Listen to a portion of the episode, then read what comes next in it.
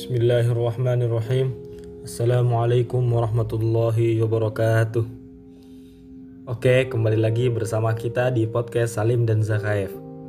Pada episode kali ini kita akan membahas seputar Perang Badr Yaitu perang besar yang pertama kali di, ada dalam sejarah Islam gitu. Nah kita akan membahas apa sih penyebab perang Badar itu terjadi gitu jadi perang Badar terjadi karena pada saat itu Rasulullah Wasallam mengutus Tolhah bin Ubaidillah dan Sa'id bin Zaid untuk ke arah utara Madinah untuk sekedar intel gitu untuk mengetahui kabar-kabar yang ada di sana bagaimana kondisinya. Nah, ketika mereka sampai di Al-Hawra, mereka melihat Abu Sufyan beserta kabilahnya sedang ada di sana gitu, kabilah dagang.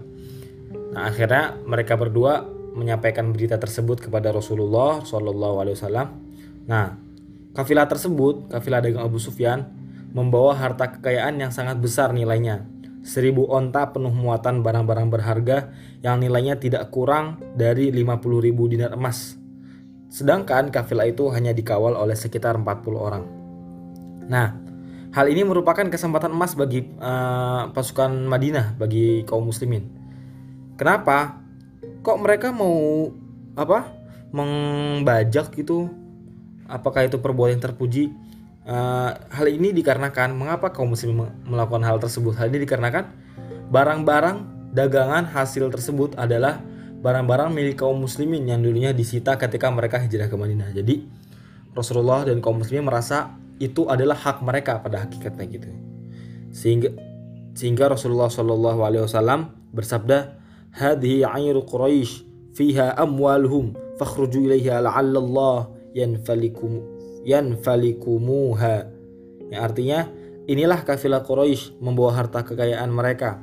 Berangkatlah menghadang mereka. Mudah-mudahan Allah memberikan harta itu kepada kalian. Nah Rasulullah Shallallahu Alaihi Wasallam tidak memaksakan kepada siapa pun untuk ikut berangkat dalam peperangan tersebut, tetapi beliau serahkan perkara itu kepada kemauan masing-masing. Sebab tidak terlintas dalam pikiran beliau bahwa beliau akan berhadapan dengan pasukan Makkah sebagai pengganti dari kafilah dalam pertempuran yang dahsyat di Badr. Oleh karena itu, banyak para sahabat di Madinah yang tidak ikut dalam peperangan. Mereka mengira bahwa keberangkatan Rasulullah Wasallam dalam hal ini tidaklah jauh berbeda dengan ekspedisi-ekspedisi sebelumnya, uh, hanya berupa intel atau uh, peng apa ya sekadar itu melihat kabar gitu. Oleh karena itu, sertaan seseorang dalam peperangan tersebut tidaklah dipermasalahkan menurut kaum muslimin gitu. Nah, akhirnya Rasulullah SAW bersiap untuk berangkat bersama 300 sekian belas orang. Ada riwayat yang mengatakan 313, 314 atau 317 orang. Yang terdiri dari 82 dari kaum muhajirin serta 61 dari kabilah Aus dan 170 dari kabilah Khazraj. Mereka uh, tidaklah berkumpul dalam jumlah yang besar untuk keberangkatan itu dan mereka tidak melakukan persiapan secara sempurna. Kudanya cuma ada dua ekor, yaitu milik Zubair bin Awam dan Miqdad bin Aswad. Dan mereka hanya membawa 70 onta yang dikendarai secara bergantian. Setiap onta untuk dua atau tiga orang.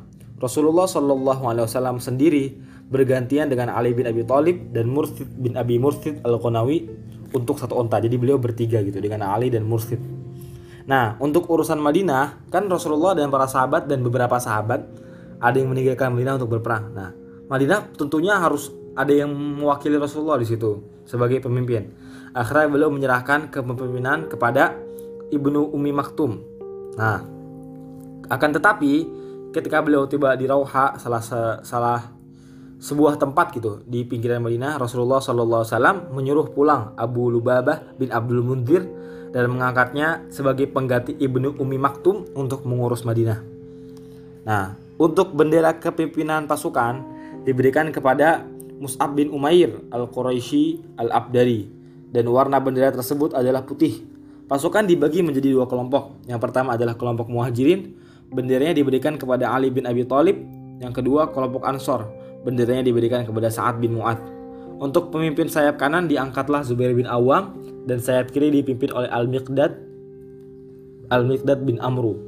Keduanya adalah pemilik kuda dalam pasukan tersebut sebagaimana yang telah tadi Anda sebutkan. Dan untuk garis belakang dipimpin oleh Qais bin Abi So'ah. Sedangkan kepemimpinan umum tetap berada di tangan Rasulullah SAW sebagai panglima tertinggi. Nah, akhirnya Rasulullah SAW mengirimkan intel kembali untuk memastikan uh, bahwa uh, tentang kabilah uh, dagang tersebut. Akhirnya dipastikan bahwa sana kabilah tersebut dipimpin oleh Abu Sofyan sehingga Rasulullah sangat berhati-hati dan waspada. Uh, beli, uh, Abu Sufyan juga mengetahui bahwasannya jalan menuju Makkah penuh dengan bahaya. Akhirnya Abu Sufyan mencari berbagai informasi dan bertanya kepada setiap orang yang ditemui.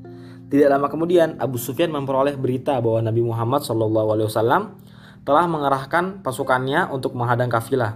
Ketika itu Abu Sufyan langsung mengirim kurir bernama Domroh bin Amir al-Ghifari ke Makkah untuk meminta bantuan pasukan guna menyelamatkan harta kekayaan yang dibawa oleh kafilah tersebut dari kejaran Nabi Muhammad dan para sahabatnya. Bomroh pun kemudian segera berangkat ke Makkah. Setelah tiba di Makkah, ia berdiri di atas untanya, melukai hidungnya, memindahkan kendaraannya dan merobek-robek bajunya sebagai bentuk ekspresi daripada ini itu bukan hal yang main-main gitu. Jadi ada sebuah kabar genting sambil berteriak, "Ya ma'syara Quraisy, Al-Latimah, Al-Latimah, amwalukum ma'abi Sufyan, qad arada laha Muhammad fi ashabihi, la ara an tudrikuha, al-ghutha al-ghutha." Hai orang-orang Quraisy, kafilah, kafilah, harta benda kalian yang dibawa oleh Abu Sufyan dihadang oleh Muhammad dan para sahabatnya. Tidak ada jalan lain kecuali kalian harus menyelamatkannya. Bantu, bantu. Nah, jadi uh, Domroh mengatakan seperti itu kepada kaum Quraisy. Nah, Kaum musyrikin pun segera bangkit dan mereka mengatakan, apakah Muhammad dan para sahabatnya mengira bahwa kafilah itu seperti kafilah Ibnu Hadrami? Jadi ada ini kisahnya ada sebuah kafilah gitu yang dijegat oleh kaum muslimin yang dipimpin oleh Ibnu Hadrami. Jadi uh, orang kafir tuh kayak mengungkit masalah lalu. Demi Allah, mereka pasti akan mengetahui bahwa kafilah ini tidak seperti apa yang mereka duga. Akhirnya mereka ada yang keluar sendiri dan ada yang pula yang mewakilkan kepada orang, orang lain gitu ya uh, kan mereka mau berangkat perang nih jadi ada yang berangkat sendiri ada juga yang minta diwakilkan itu dengan dibayar tentunya tidak ada seorang pun di antara mereka yang ketinggalan kecuali Abu Lahab karena dia mewakilkan kepada orang lain mereka memobilisasi kabilah-kabilah yang ada di sekeliling mereka tidak ada satu kabilah pun di antara kabilah-kabilah Quraisy yang tertinggal kecuali Bani Adi. Tidak ada seorang pun dari Bani Adi yang bergerak. Kekuatan pasukan Makkah sekitar 1300 prajurit. Pada awal keberangkatannya, mereka memiliki 100 kuda dan 600 perisai, serta banyak onta yang jumlahnya tidak diketahui secara pasti. Panglima perangnya adalah Abu Jahal bin Hisham, dan dana peperangan itu ditanggung oleh 9 pemimpin Quraisy. Setiap hari mereka menyembelih 9 atau 10 ekor unta. Nah, Ketika pasukan Quraisy sudah siap untuk berangkat, kaum Quraisy teringat terhadap permusuhan mereka dengan Bani Bakar. Mereka takut diserang dari belakang oleh Bani Bani oleh kabilah Bani Bakar. Mereka bimbang dan hal itu hampir saja menggagalkan niat mereka untuk berangkat menuju Badar. Tetapi ketika itu iblis muncul dalam wujud Suraqah bin Malik Al-Mujdi seorang pemimpin Bani Kinanah dan berkata, "Aku menjamin kalian tidak akan diserang dari belakang oleh Bani Kinanah." Seperti itu. Ketika itu, mereka keluar dari kampung mereka dengan rasa angkuh dan dengan maksud riak kepada manusia, serta menghalangi orang yang menempuh jalan Allah. Mereka datang dengan penuh kesombongan terhadap Allah dan Rasulnya. Dengan cepat, mereka bergerak ke arah utara menuju Badar. Uh, di sanalah mereka menerima surat baru dari Abu Sufyan yang berisi pesan kepada mereka. Innakum innama kharajtum litahruzu ayrakum warijalakum wa amwalakum Waqad najjahallah farja'u. Sesungguhnya kalian keluar hanyalah untuk melindungi kafilah orang-orang kalian dan harta kalian. Tetapi Allah telah menyelamatkannya, maka lebih baik pulang saja. Itu jadi sebenarnya kafilah dagang Abu Sufyan ini sudah selamat dari kejaran Nabi Muhammad dan uh, para sahabatnya gitu. Oke, Bu, lanjut, Bu. Silakan nanti lanjutkan. Oke, ini lanjutin. Jadi tadi kan kafilah dagang Quraisy yang dipimpin Abu Sufyan berhasil lolos dari kejaran kaum muslimin. Nah, setelah itu mata-mata kaum muslimin datang kepada Rasulullah untuk mengabarkan berita tentang lolosnya pasukan dagang Abu Sof kafilah dagang Abu Sofyan, sorry.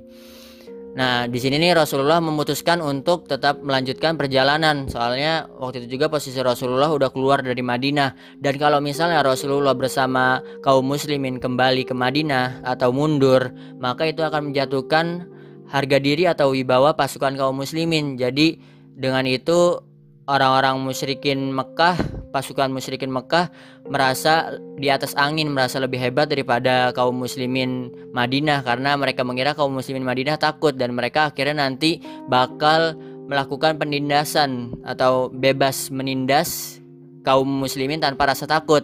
Nah, karena mempertimbangkan itu akhirnya Rasulullah tetap uh, tetap melanjutkan perjalanan.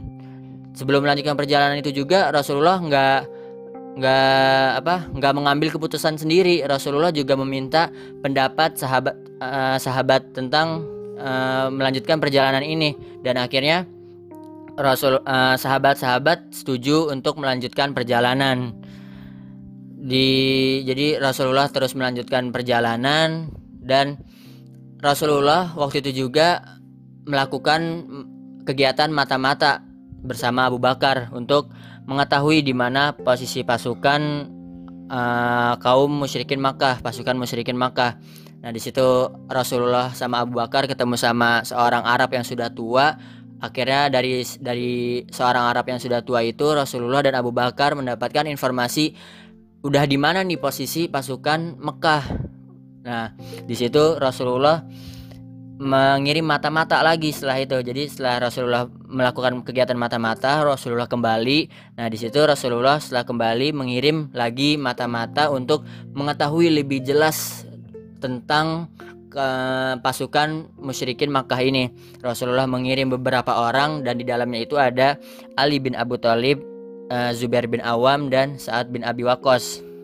Akhirnya rombongan mata-mata yang disuruh Rasulullah yang ditugaskan Rasulullah ini pergi ke mata air Badar. Nah, di mata air Badar ini mereka menangkap dua orang pesuruh pasukan uh, musyrikin Makkah. Mereka menangkap akhirnya mereka dibawa ke ke tenda pasukan muslimin. Di situ pas mereka bawa ke Rasulullah ini, Rasulullah lagi sholat.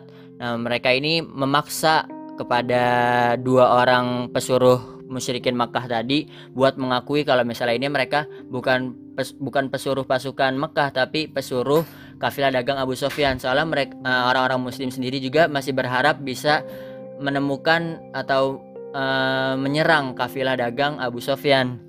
Nah, setelah Rasulullah selesai sholat, Rasulullah bersabda seakan menyindir tentang perlakuan para sahabat tadi. Rasulullah berkata seperti ini. Jika mereka berdua berkata jujur kepada kalian, maka kalian memukuli mereka. Namun jika mereka berdusta kepada kalian, maka kalian membiarkan mereka. Demi Allah, mereka berdua berkata jujur. Mereka adalah pesuruh Quraisy. Nah, setelah itu Rasulullah mengorek informasi dari dua pesuruh Quraisy ini. Dan uh, kaum Rasulullah dan kaum muslimin akhirnya mendapatkan informasi uh, tentang berapa jumlah pasukan Quraisy yang kira-kira 900 sampai 1000 orang. Nah, dari situ akhirnya Rasulullah segera menyiapkan pasukan untuk uh, peperangan yang akan segera terjadi. Di sini Al-Hubab bin Al-Munzir mengusulkan untuk kan jadi sebelum taruh sebelum ini Rasulullah membawa pasukan ke dekat mata air Badar, tapi belum terlalu dekat ya sama mata air Badar supaya Rasulullah dan kaum muslimin ini lebih dulu menguasai mata air Badar karena ini ada suatu titik yang penting. Nah, di sini Al Hubab bin Al Munzir mengusulkan untuk maju lebih dekat lagi ke mata air Badar supaya uh, mat, apa uh, pasukan muslimin ini juga lebih leluasa menguasai mata air Badar ini.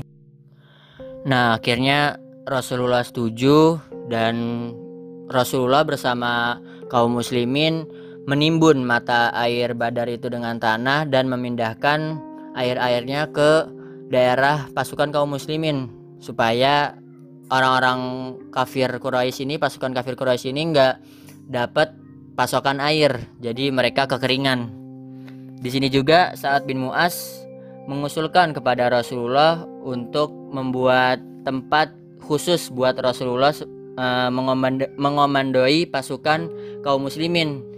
Di situ juga uh, saat bin Muas mengusulkan agar Rasulullah dikawal supaya kalau misalnya terjadi situasi darurat Rasulullah nggak terlalu terancam dan keselamatan Rasulullah terjaga. Akhirnya Rasulullah setuju. Udah tuh semua udah disiapin. Di sini sebelum perang nih, sebelum perang itu malamnya itu uh, turun hujan. Malamnya turun hujan jadi pasukan kaum musyrikin kehujanan, pasukan kaum muslimin juga kehujanan. Nah, hikmah dari hujan ini adalah di sisi pasukan musyrikin ini hujan ini membuat mereka menjadi langkahnya semakin berat atau mereka jadi males gitulah rasanya.